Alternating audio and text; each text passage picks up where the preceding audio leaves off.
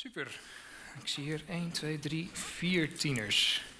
We hadden er ietsje meer, geloof ik. Oh, 5, 6, 7. En 8. Kom er naar voren hoor. Als je, is er nog plek?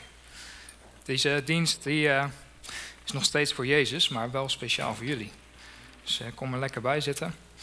Um, drie, drie weken geleden ben ik bij jullie uh, geweest om te vragen van, nou ja, wat, wat willen jullie graag horen? Waar willen jullie graag dat, dat ik het over ga hebben? Um, toen kwamen jullie met allemaal super goede vragen. Ik denk dat het echt bijna niet beter kon. Uh, dus hoe, ik dacht van hoe ga ik dat ooit allemaal in één preek verwerken? Eén preek. Nou ja, het eerste briefje wat ik van jullie kreeg, daar stond op geen preek. nou, bedankt. Jullie zijn uh, makkelijk. Dat, uh, heel erg behulpzaam. Dus uh, daar heb ik een tijdje over na zitten denken.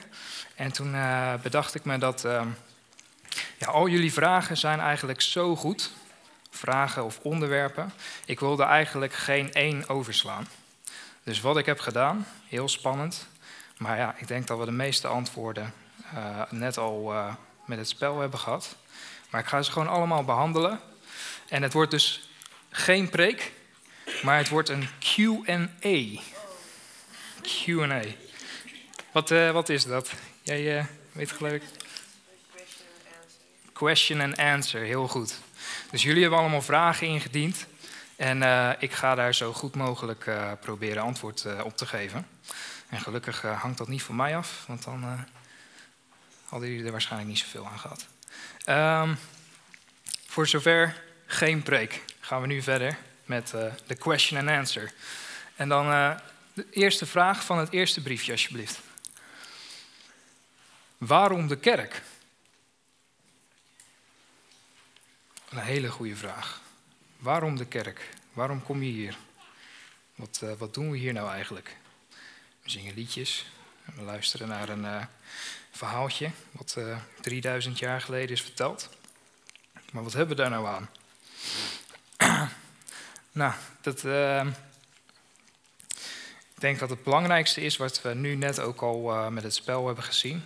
Iedereen die is wel eens alleen. Iedereen die heeft wel eens vragen die hij aan God stelt en waar hij geen antwoord op krijgt. En het is zo belangrijk en het is zo fijn om bij elkaar te komen en te horen van elkaar van hey, hoe heb jij dat meegemaakt? Hoe zie jij dat? Heb jij, ben jij dat toevallig wel eens tegengekomen? Nou, we krijgen straks allemaal heel veel vragen, uh, wat, wat gewoon zo goed is en zo belangrijk is. Uh, om bij een plek te komen waar we voor elkaar kunnen zijn. Um, en Jezus, God, die helpt ons daarbij. Die geeft ons de liefde en die geeft ons de woorden en die geeft ons het inzicht om elkaar te kunnen helpen op een uh, manier die je nergens anders tegen kan komen en wat je ergens anders kan krijgen. Dus daarom de kerk. We komen bij elkaar, we zingen nummers. Jullie hebben ervoor gekozen om nummers van uh, van YouTube te doen.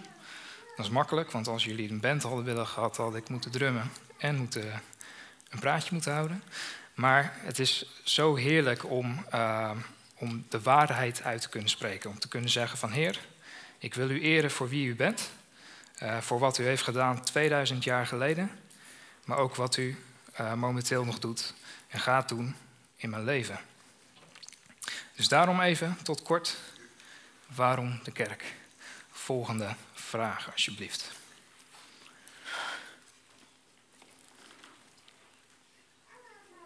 Nou, ik denk degene die hem heeft opgeschreven, die, uh, die zal het wel weten. Zou je leven er anders uitzien zonder God? Zou je andere keuzes maken? Weer een supergoeie vraag. Want het is leuk, je kan voor God kiezen. Maar wat is nou in essentie het verschil? Wat is nou anders als je voor God kiest? Het makkelijkste antwoord zou natuurlijk zijn van ja, natuurlijk. Natuurlijk is het leven met God anders. Het leven met God is als rondvliegen op een roze wolk en dan onderweg vlinders vangen met je schepnet. En dan leven zonder God is eigenlijk leven op een soort van hoop stront. Dat is het makkelijkste verschil, toch? Dat zou heel simpel zijn van, nou, dat is het verschil tussen het leven met God en het leven zonder God. Maar zo simpel is het niet. En uh, ik denk wat het belangrijkste is, um, is in hoeverre je relatie hebt met God. Als we kijken naar uh, David, die later koning wordt, die was rond jullie leeftijd. En toen deed hij echt al waanzinnige dingen. Toen, uh, toen was het nog ietsje anders. Toen uh, kwam je nog wel eens een beer of een leeuw tegen. Nu heb je dat alleen maar als je naar Blijdorp gaat. En die hoef je dan niet meer dood te slaan, want die zit ergens in een, in een hok. Maar David die kwam nog wel eens een beer of een leeuw tegen. En die vertrouwde altijd op de Heer. En op zijn jonge leeftijd gaf hij altijd alle eer met God. En God die noemt hem zelfs zijn vriend. En daardoor zie je dat hij door zijn hele leven heen hem heel erg uh, helpt. En, uh, en dat hij daardoor hele grote dingen kan doen, samen met God. Even bij de jongens erbij, anders dan zijn we er nog bij. Ik weet dat we willen gaan voetballen. Ik zou het liefst ook pizza gaan eten, maar...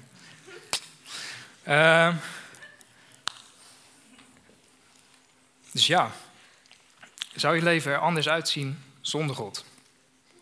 Natuurlijk, je kan, uh, kan gaan voetballen, je kan plezier maken, je kan uh, leuke dingen gaan doen. Maar uh, je kan ook voor God kiezen en er eigenlijk niet zoveel mee doen. Uh, stel dat je een keuze maakt voor God, zegt van nou ik geloof in God, maar ehm, je doet er maar één keer per jaar iets mee. Je komt uh, alleen naar de kerstdienst. Geen veroordeling, het hoeft nog niks te zeggen. Alleen uh, als God dan op de achtergrond is en hij zit alleen maar in je achterhoofd en je doet de dingen die je normaal doet, dan is het heel erg makkelijk om, uh, om verkeerde dingen te doen. Om dingen te doen die anderen pijn doet, doen. Terwijl als je een sterke relatie hebt met God, en daarom is de kerk ook zo belangrijk, want dan zijn we bezig met Hem, dan, uh, dan helpt dat ons om uh, dingen te doen die anderen opbouwen die goed zijn voor anderen. Um, dus ja, zou je andere keuzes maken? Dat is dus echt afhankelijk van in hoeverre je relatie hebt met God. In hoeverre je met Hem uh, bezig bent en Hem toelaat in je leven. Mag het uh, volgende briefje? Um, ja, het grootste voorbeeld hiervan is, uh, is de wijste en de rijkste man die ooit op aarde heeft geleefd. Weten jullie wie dat is? Bill Gates. Bill Gates. ja, die is momenteel wel de rijkste op dit moment op aarde, inderdaad. Maar eh, in de geschiedenis, wie is de rijkste en de wijste man geweest die ooit heeft geleefd? Wat in de Bijbel staat.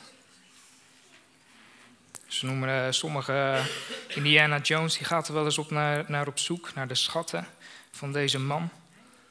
Ja? Wie is het? Salomo, heel goed. Salomo is de, is de man geweest, de koning, die het rijkste en het wijste was. Weten jullie wat wijs is? Ja? Wat dan? Zeg maar. Wat is wijsheid?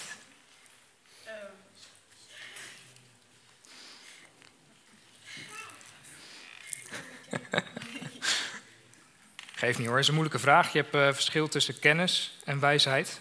Kennis is heel erg veel weten. Uh, wijsheid is, uh, heeft meer te maken met, met levenservaring. Dat je in nieuwe situaties, waar je niet per se kennis van hebt, dat je daarin toch uh, de juiste beslissing kan, uh, kan nemen. En uh, dat is een beetje het verschil. En hij schrijft: Ik zei tegen mezelf: Ik zal proberen te genieten. Ik zal blij zijn met de goede dingen van het leven. Maar ook dat is maar lucht. Van het lachen ontdekte ik dat het dwaas is. Blijdschap heeft geen nut. Ik heb dat uitgezocht door veel wijn te drinken, maar dat deed ik wel met verstand. Want ik wilde weten of het soms beter voor de mensen is om zich dwaas te gedragen in de korte tijd dat zij leven. Dus uh, ging, hij ging een lekker feestje bouwen, nodigde al zijn vrienden uit. Hij was toch de rijkste man, dus uh, hij kon alles betalen. Kom jongens, dan gaan we een feestje vieren. Volgende sheet alsjeblieft. Ook deed ik geweldige dingen. Ik bouwde paleizen, plantte wijngaarden, ik legde tuinen en parken aan. Ik plantte daarin allerlei fruitbomen.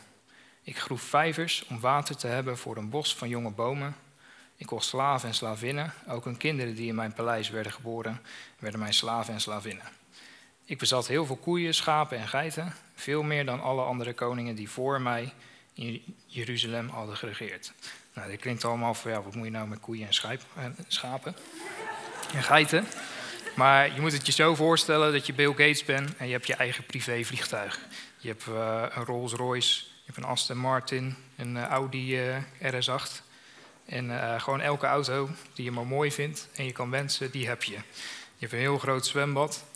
je hebt meerdere huizen. Je hebt een, een game room. Je hebt een opmaakpaleis achter je kaptafel. Hele grote kaptafel. Met alle make-up die je maar kan wensen. Sorry.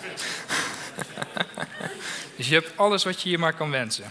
Je hebt vrienden, er komen mensen naar je toe. Dus er is niets wat je niet hebt. Volgende sheet. Ik kreeg steeds meer zilver en goud. Ik bezat schatten en geschenken die ik gekregen had van de koningen en landen waarover ik heerste. Ik liet zangers en zangeressen komen. Beyoncé, Jay-Z, Martin Garrix. En allerlei dingen die de mensen mooi vinden en allerlei muziekinstrumenten. Ik werd belangrijker en rijker dan alle andere koningen die voor mij in Jeruzalem hadden geregeerd. Intussen bleef ik wijs. Volgende. Ik kon alles krijgen wat ik hebben wilde om van te genieten. En ik genoot van alles wat ik met hard werken had bereikt. Dat had ik tenminste bereikt. Maar toen keek ik naar alles wat ik had bereikt en hoe hard ik daarvoor had gezwoegd. En ik zag dat het allemaal maar lucht was, een teleurstellende bezigheid. Niets daarvan had zin onder de zon. Nou, zit je dan? Leuk.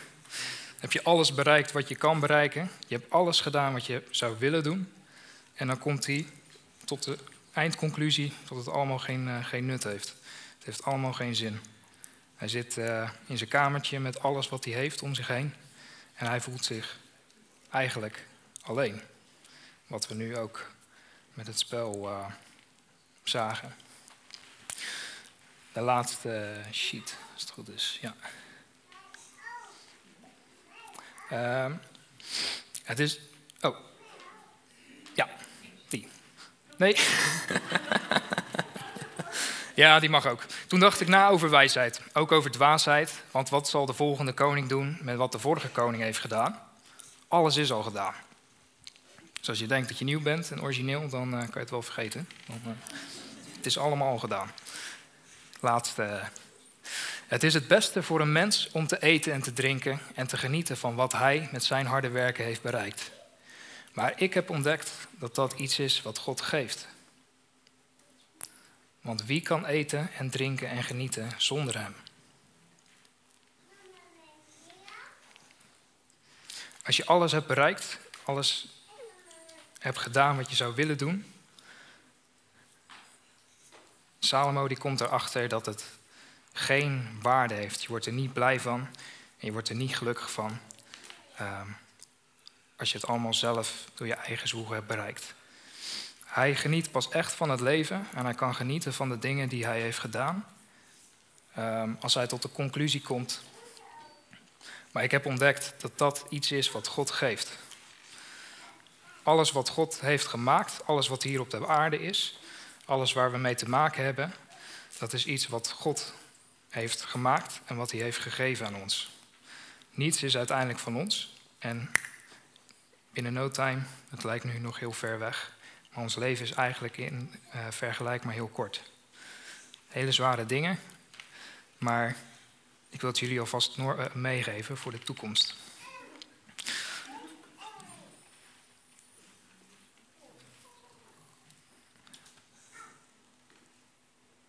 Oh, sorry, er was er nog één. Dat probeerde je te gebaren, toch?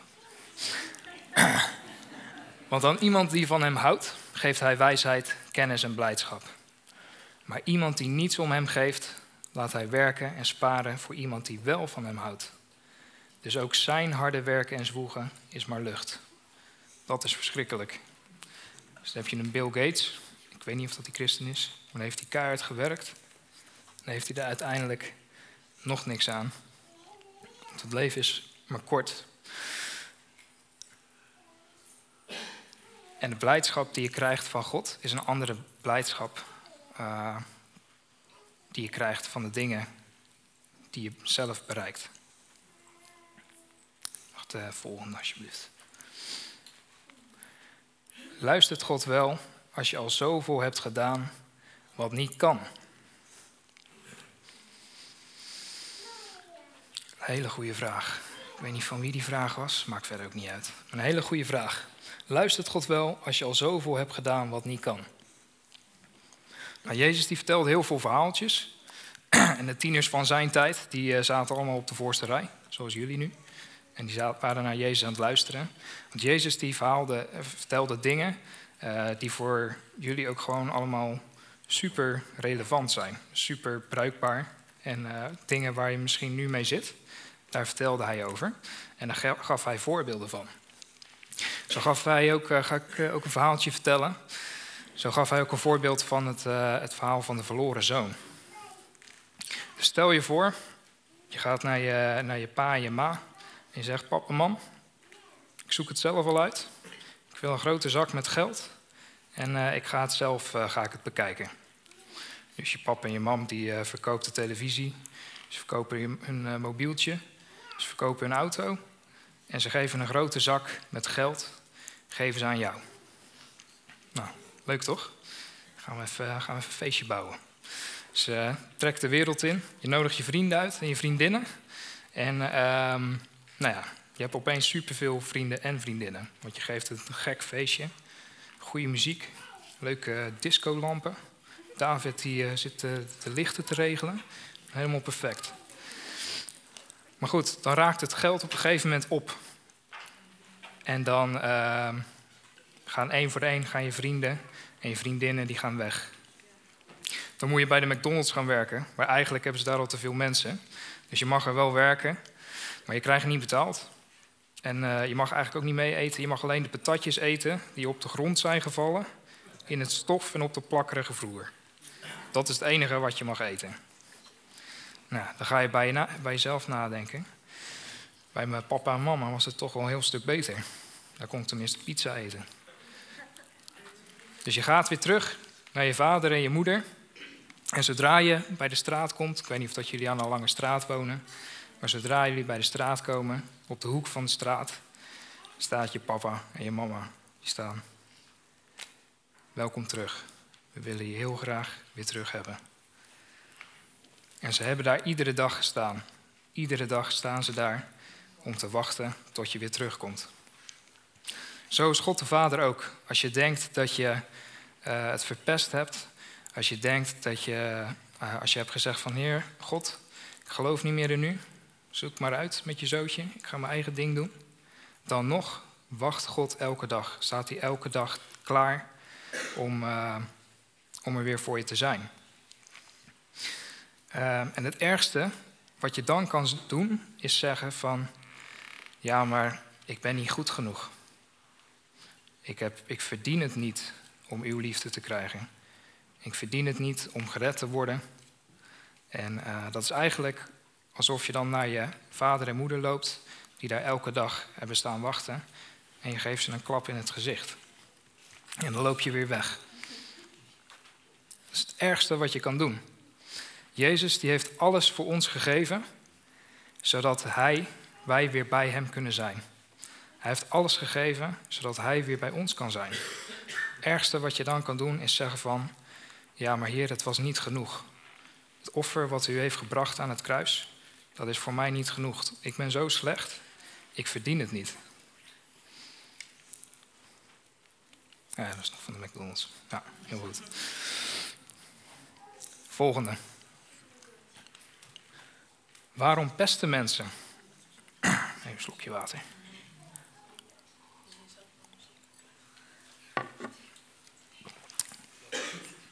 Waarom pesten mensen?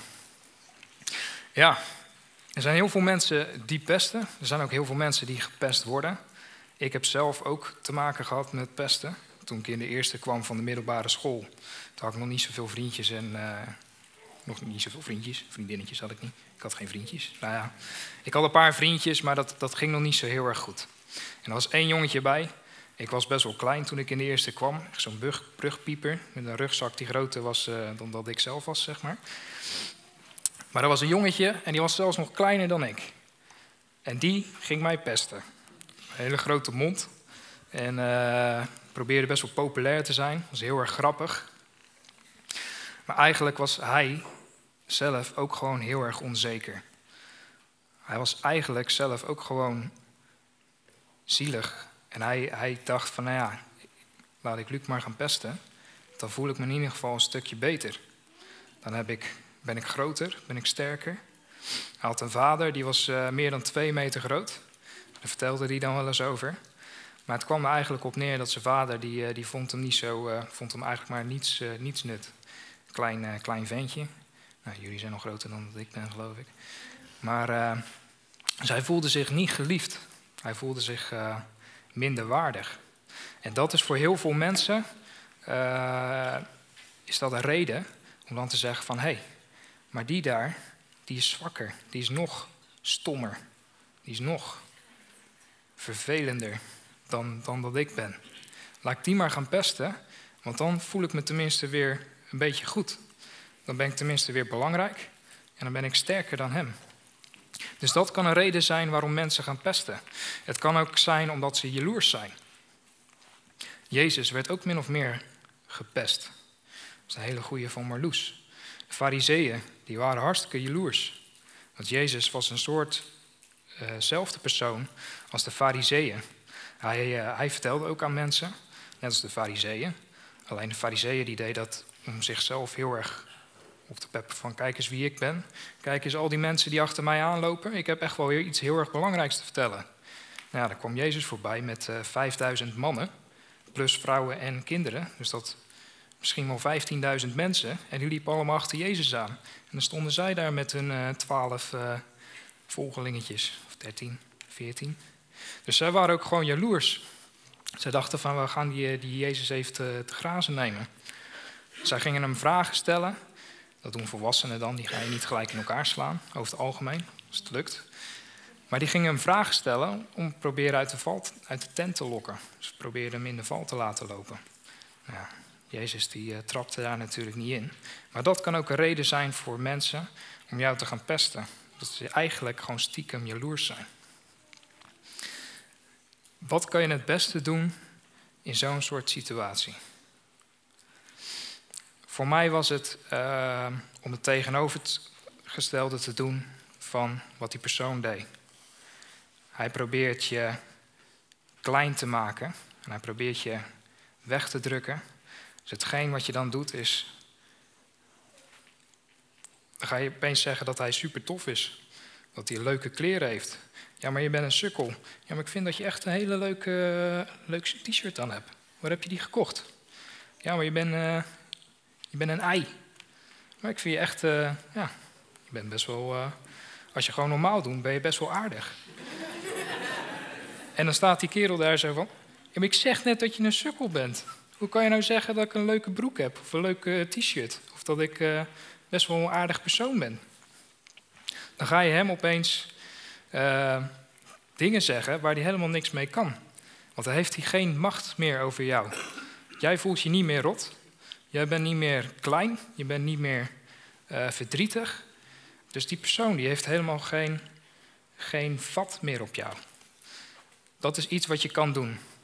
Wat je kan doen is bij jezelf bedenken dat eigenlijk die persoon die jou pest, zieliger is dan jij.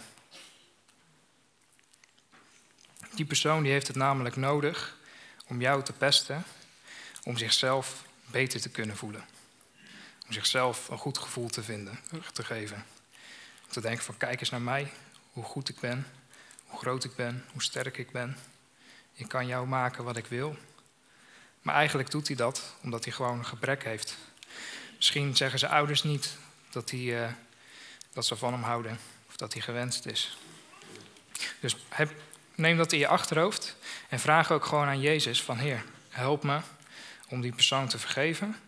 Help me om die persoon lief te hebben. En uh, het is heel bijzonder. Je hebt verhalen van uh, pestkoppen en mensen die gepest worden en die uiteindelijk vrienden worden. Hoe kan dat nou weer? Hoe kan je nou weer vrienden worden met iemand die jou pest? Nou ja, omdat je dus anders gaat reageren en die persoon uh, zich waardevol laat voelen. Degene die pest. Dus hou dat in gedachten. En kom ook, ga ook gewoon naar mensen toe. Kom naar mij toe. Kom naar andere mensen toe in de gemeente. Zegt, ik, uh, ik, ik heb het niet leuk op school. Ik heb geen vriendjes, ik heb geen vriendinnetjes. En ik word gewoon heel erg gepest. Mag ik praten? Mag ik mijn verhaal doen? En dan willen we gewoon voor je zijn. Dan willen we je helpen. Want je bent niet alleen. Je bent niet lelijk. Je bent niet niks waard, minderwaardig. Wij zijn er voor jou. We willen je helpen. We houden van je. En uh, heel vaak hebben wij zelf ook dit soort dingen meegemaakt. Dus hou dat in je gedachten. Next, volgende vraag. Als je zelfmoord pleegt, maar je gelooft wel in God, wat dan? Ja, jullie hebben het me niet makkelijk gemaakt. Als je zelfmoord pleegt, maar je gelooft wel in God, wat dan? Um, dit is misschien de enige vraag waar ik geen antwoord op kan geven of geen antwoord uh, op wil geven. Um, ik ga sowieso niet bepalen voor iemand of dat hij wel of niet in de hemel komt. Dat is niet aan mij, gelukkig. Dat is alleen iets tussen jou en God. God die ziet jouw hart en ik ga daar niet over. Wat ik wel geloof is dat wanneer je gelooft in het volbrachte werk van Jezus, dat je voor eens en voor altijd gered bent. Wat ik denk ik veel, uh, een veel belangrijkere vraag is, uh, en dat, uh, dat is zometeen de volgende vraag, is ehm, niemand wil dat jij zelfmoord pleegt. Misschien in tegenstelling tot wat je zelf gelooft. Misschien in tegenstelling tot dat je, wat je denkt van je uh, familie om je heen, van je vrienden om je heen. Maar niemand wil dat je dat doet. We houden van je. We willen dat je leeft. En we willen niet alleen maar dat je leeft, maar we willen dat je echt leeft. En het echte leven, dat kan alleen maar gegeven worden door Jezus. Hij kan ervoor zorgen dat je plezier hebt. Maar hij kan ervoor zorgen dat je geluk vindt. Dat je het leven weer ziet zitten. En dat je het leuk gaat vinden. Dus dan gaan we door naar de volgende. Waarom word je depressief? Ja. Ik heb er, uh, ik heb er lang over nagedacht. Er zijn, uh, het is niet iets wat, wat één ding is. Dus je kan het niet zeggen van, nou ja, dit, dit is de oorzaak, uh, dit is de medicijn uh, en daarmee los je het op. Het heeft verschillende dingen waardoor je depressief kan worden. We hebben het gehad over pesten. Pesten kan ervoor zorgen dat je depressief wordt.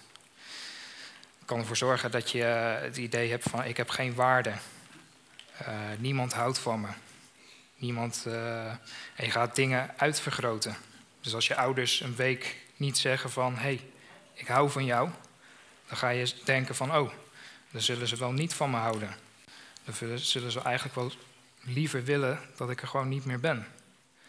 Uh, depressief, depressiviteit die kan daarvoor zorgen. Het kan, uh, depressiviteit heeft te maken met geen hoop, geen perspectief. perspectief. Perspectief houdt in dat je geen doel hebt in het leven, geen vooruitzicht. Je weet niet wat je wil gaan doen in de toekomst. En dat is ook gewoon wat, waarom er zoveel mensen last van hebben in deze maatschappij. Dat we zoveel druk hebben en zoveel dingen die we moeten. En dat zorgt ervoor dat we denken van ja, maar dat kan ik helemaal niet aan. Ik wil nu nog niet nadenken over wat ik vijf jaar wil gaan doen in mijn leven. Er komt te veel op ons af. En dat zorgt ervoor dat we bang worden, geen hoop hebben, geen perspectief. Uh, en gebrek aan liefde.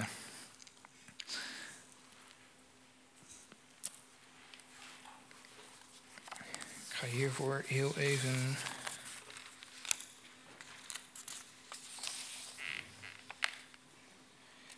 mijn tekst erbij pakken.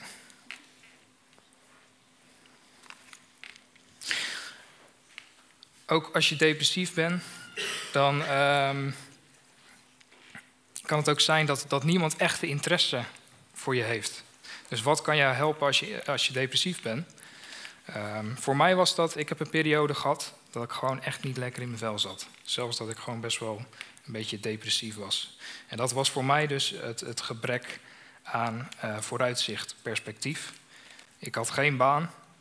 Ik met mijn blije hoofd dacht dat ik bij het leger ging. Nou, ik heb de afgelopen acht jaar niet eens gesport. Ik weet niet eens wat ik, uh, wat ik daar ging doen. Dus ik ging naar het leger toe, ik naar Amsterdam. En ik werd gewoon uh, keihard afgewezen. Toen dacht ik van ja, en wat nu? Ik heb uh, drie maanden zitten wachten tot ik eindelijk op het sollicitatiegesprek kon komen. En nou, nou flikken ze me dit. Dus ik had geen idee wat ik moest gaan doen. Dus ik, werd, ik was gewoon totaal niet happy. Ik had zelfs wel een beetje zelfmedelijden. Ik dacht van ja, ik ben eigenlijk wel, wel heel erg zielig. En ik had iemand anders nodig dan mijn ouders, die me gewoon een schop achter mijn hol gaven. En zeiden van, hé, hey, raap je ballen bij elkaar. Zo'n gezegde. Uh, en, die zei van, uh, dat is gewoon onzin. Stoppen met, uh, met die zelfmedelijden. Stoppen met dat, met dat gedrag wat je nu doet. En ga gewoon werken. Ga, ga wat doen. Kom in actie. En vaak als je in actie komt, dan komt het vanzelf goed. Maar zodrang, zolang je maar blijft denken en je blijft maar malen, uh, dat zorgt ervoor dat je vastraakt en dat je niet verder komt. Dus die uh, vriend ben ik nog steeds heel erg dankbaar. Ik weet niet waar die zit, maakt ook niet uit. Maar dat, dat kan zijn waarom je depressief bent en dat kan uh, je helpen. Maar het is nodig dat je dan naar iemand toe gaat en dat je met iemand praat. Um, even kijken hoor. Ja, wat ook, um, wat ook kan helpen, en daarin willen we ook echt voor jullie zijn. We zijn allemaal broers en zussen. Jezus zegt dat we broers en zussen zijn. Dus ik wil voor jullie, een grote broer zijn. Maar er zijn ook andere mensen binnen de gemeente die een broer of een zus voor jou willen zijn. Want in tegenstelling tot wat je misschien denkt, ben jij niet de enige die, uh, die worstelt met depressiviteit. Die worstelt met, uh, met moeilijke periodes en uh, moeilijke situaties. En we hebben elkaar zo hard nodig om, om eruit te komen. En soms is het beste wat je dan kan doen, soms heb je een schop achter je hol nodig en zeggen van hé, hey, kappen nou met dat gezeik. En soms heb je iemand nodig die gewoon een uur niks zegt, alleen maar ja, nee knikt, of misschien. En gewoon helemaal niks zegt en gewoon alleen maar een uur naar jou luistert. Die je gewoon de tijd geeft om echt te vertellen waar je in zit, waar je mee worstelt uh, en uh, hoe je je voelt. Um, soms lukt dat niet en daarom is, zijn we ook als kerk. Dat mogen we ook gewoon voor elkaar doen. Heb jij een te gek leven? Zit je lekker in je vel? Gaat goed met voetballen? Heb je leuke foto's op uh, Facebook en Instagram en Snapchat? Mocht Twitter niet meer zeggen, want dat is uit de rage of zo, uit de mode. Anyway, dan kan je er gewoon zijn voor zo'n andere persoon. Dan mag je zeggen van, hé, hey, maar ik vind jou gewoon gaaf. Ik vind jou tof en ik wil er ook voor je zijn. Jullie zijn leeftijdsgenoten en dat praat zoveel makkelijker. Ik heb er al moeite mee. Ik ben 27 en ik vond het al moeite van, hey, shoot, wat deed ik ook alweer op die leeftijd? En toen ik jullie leeftijd was, was het alweer een hele andere situatie. Had ik nog een Nokia 3310 en zat ik de hele dag Snake te spelen. Weet je? Dus jullie zijn er ook gewoon voor elkaar. Jullie weten waar je mee te maken hebt. Jullie kunnen heel goed met elkaar praten. En als je als je je gewoon happy voelt, als je je tof voelt, dan mag je er voor elkaar zijn en dan mag je elkaar bemoedigen. Daar is ook de gemeente en de kerk voor. Je kan soms voelen dat als je bij vriendjes of vriendinnetjes op school komt, dat ze niet naar je luisteren. In plaats van dat jij kan vertellen van nou, ik zit eigenlijk helemaal niet goed in mijn vel, gaan hun vertellen wat al hun sores is. Waar hun allemaal uh, mee worstelen en wat, wat hun moeilijk vinden. Ja, nee, daar zit je op te wachten. Kom naar iemand toe, ga in gesprek. En uh, ik geloof echt dat uh, Jezus is in ieder van ons hier. En die gaat door ons heen spreken. En die gaat jou helpen in de situatie waar je in zit. En dat uh, zal misschien niet van het ene op het andere moment zijn. En dat zal moeilijk zijn. En het zal harde momenten geven.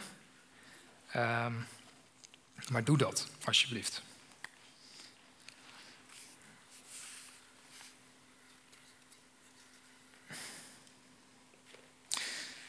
Ja, het laatste briefje, dat uh, is briefje 8.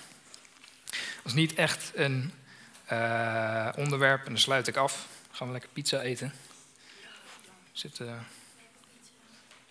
kijken. Volgens mij, die klok die staat al drie jaar stil. Oh, sorry jongens, ik ben een beetje te lang. Het laatste onderwerp is eigenlijk een heel breed onderwerp. Ga ik het nu verder niet over hebben. Wil ik jullie alleen dit meegeven. En dat is een tekst die ik hopelijk door heb gestuurd naar David. Ja. Uh, sorry, het briefje was, of het onderwerp is iets met goed en kwaad. En daar is deze tekst wel heel erg uh, toepasselijk voor. Want wij vechten niet tegen mensen, maar tegen onzichtbare wezens de duivelse heersers en machten die deze donkere wereld tyranniseren. Boosaardige geesten in de onzichtbare wereld om ons heen. Jezus is naar de aarde gekomen niet om te veroordelen, maar om ons vrij te zetten. En we hoeven ons niet voor te doen, uh, anders voor te doen als hoe het is. Heb je pijn of heb je moeite? Ga naar iemand toe. Voel je je goed? Voel je je sterk?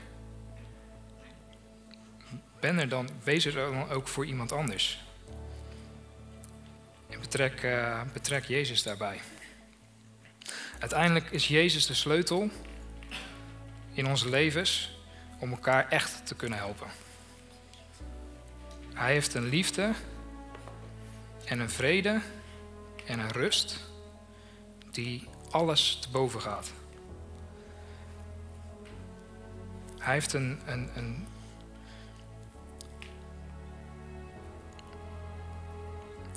Hij kan je echt doel geven aan je leven. En hij gaat dingen doen in je leven die je niet voor mogelijk had gehouden. Dus die je niet aan had zien komen.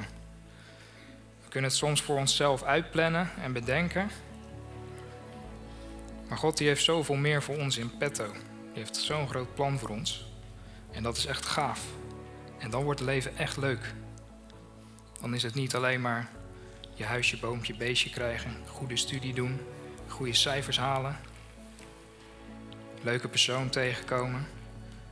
Dat zijn allemaal goede dingen. Maar het is allemaal maar tijdelijk. En het, is, het heeft geen eeuwigheidswaarde. Als Jezus in je leven komt, dan kan je een verschil maken wat voor altijd stand houdt, wat voor eeuwig duurt. Dus dat wil ik jullie meegeven.